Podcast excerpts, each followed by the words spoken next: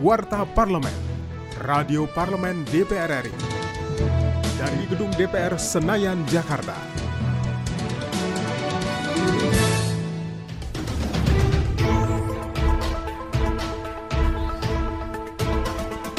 DPR RI mendorong revisi Undang-Undang Mahkamah Konstitusi atau MK menjadi alternatif dalam membenahi internal MK. Hal tersebut disampaikan oleh anggota Komisi 3 DPR RI Arteria Dahlan saat di Komplek Parlemen Senayan, Jakarta. Yang menyampaikan revisi Undang-Undang MK merupakan upaya pemerintah bersama DPR dalam memperkuat sistem dan kelembagaan MK. Revisi Undang-Undang MK merupakan bentuk apresiasi DPR RI terhadap kinerja MK dan bertujuan untuk membenahi internal MK sehingga lebih profesional dan memberikan keputusan yang berkualitas.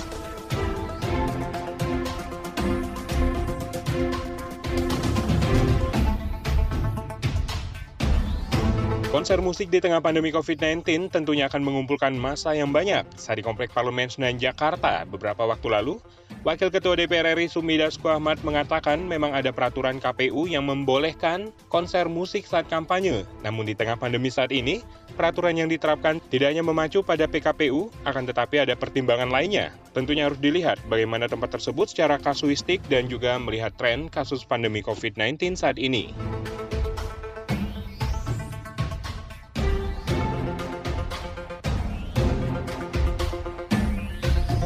Sekretaris Jenderal atau Sejen DPR RI Indra Iskandar membuka musyawarah pengurus Korpri dengan agenda musyawarah pertanggungjawaban pengurus periode 2015-2020, rencana kerja Korpri serta pemilihan ketua Korpri periode 2020-2025. Saat di Komplek Parlemen Senayan Jakarta, ia mengatakan sebagaimana komitmen Sejen DPR RI untuk mewujudkan parlemen modern, maka Korpri diharapkan dapat mempercepat proses e-government dan berharap ASN tetap produktif di masa pandemi, dapat bekerja profesional dalam menjalankan tugas dan kewajibannya.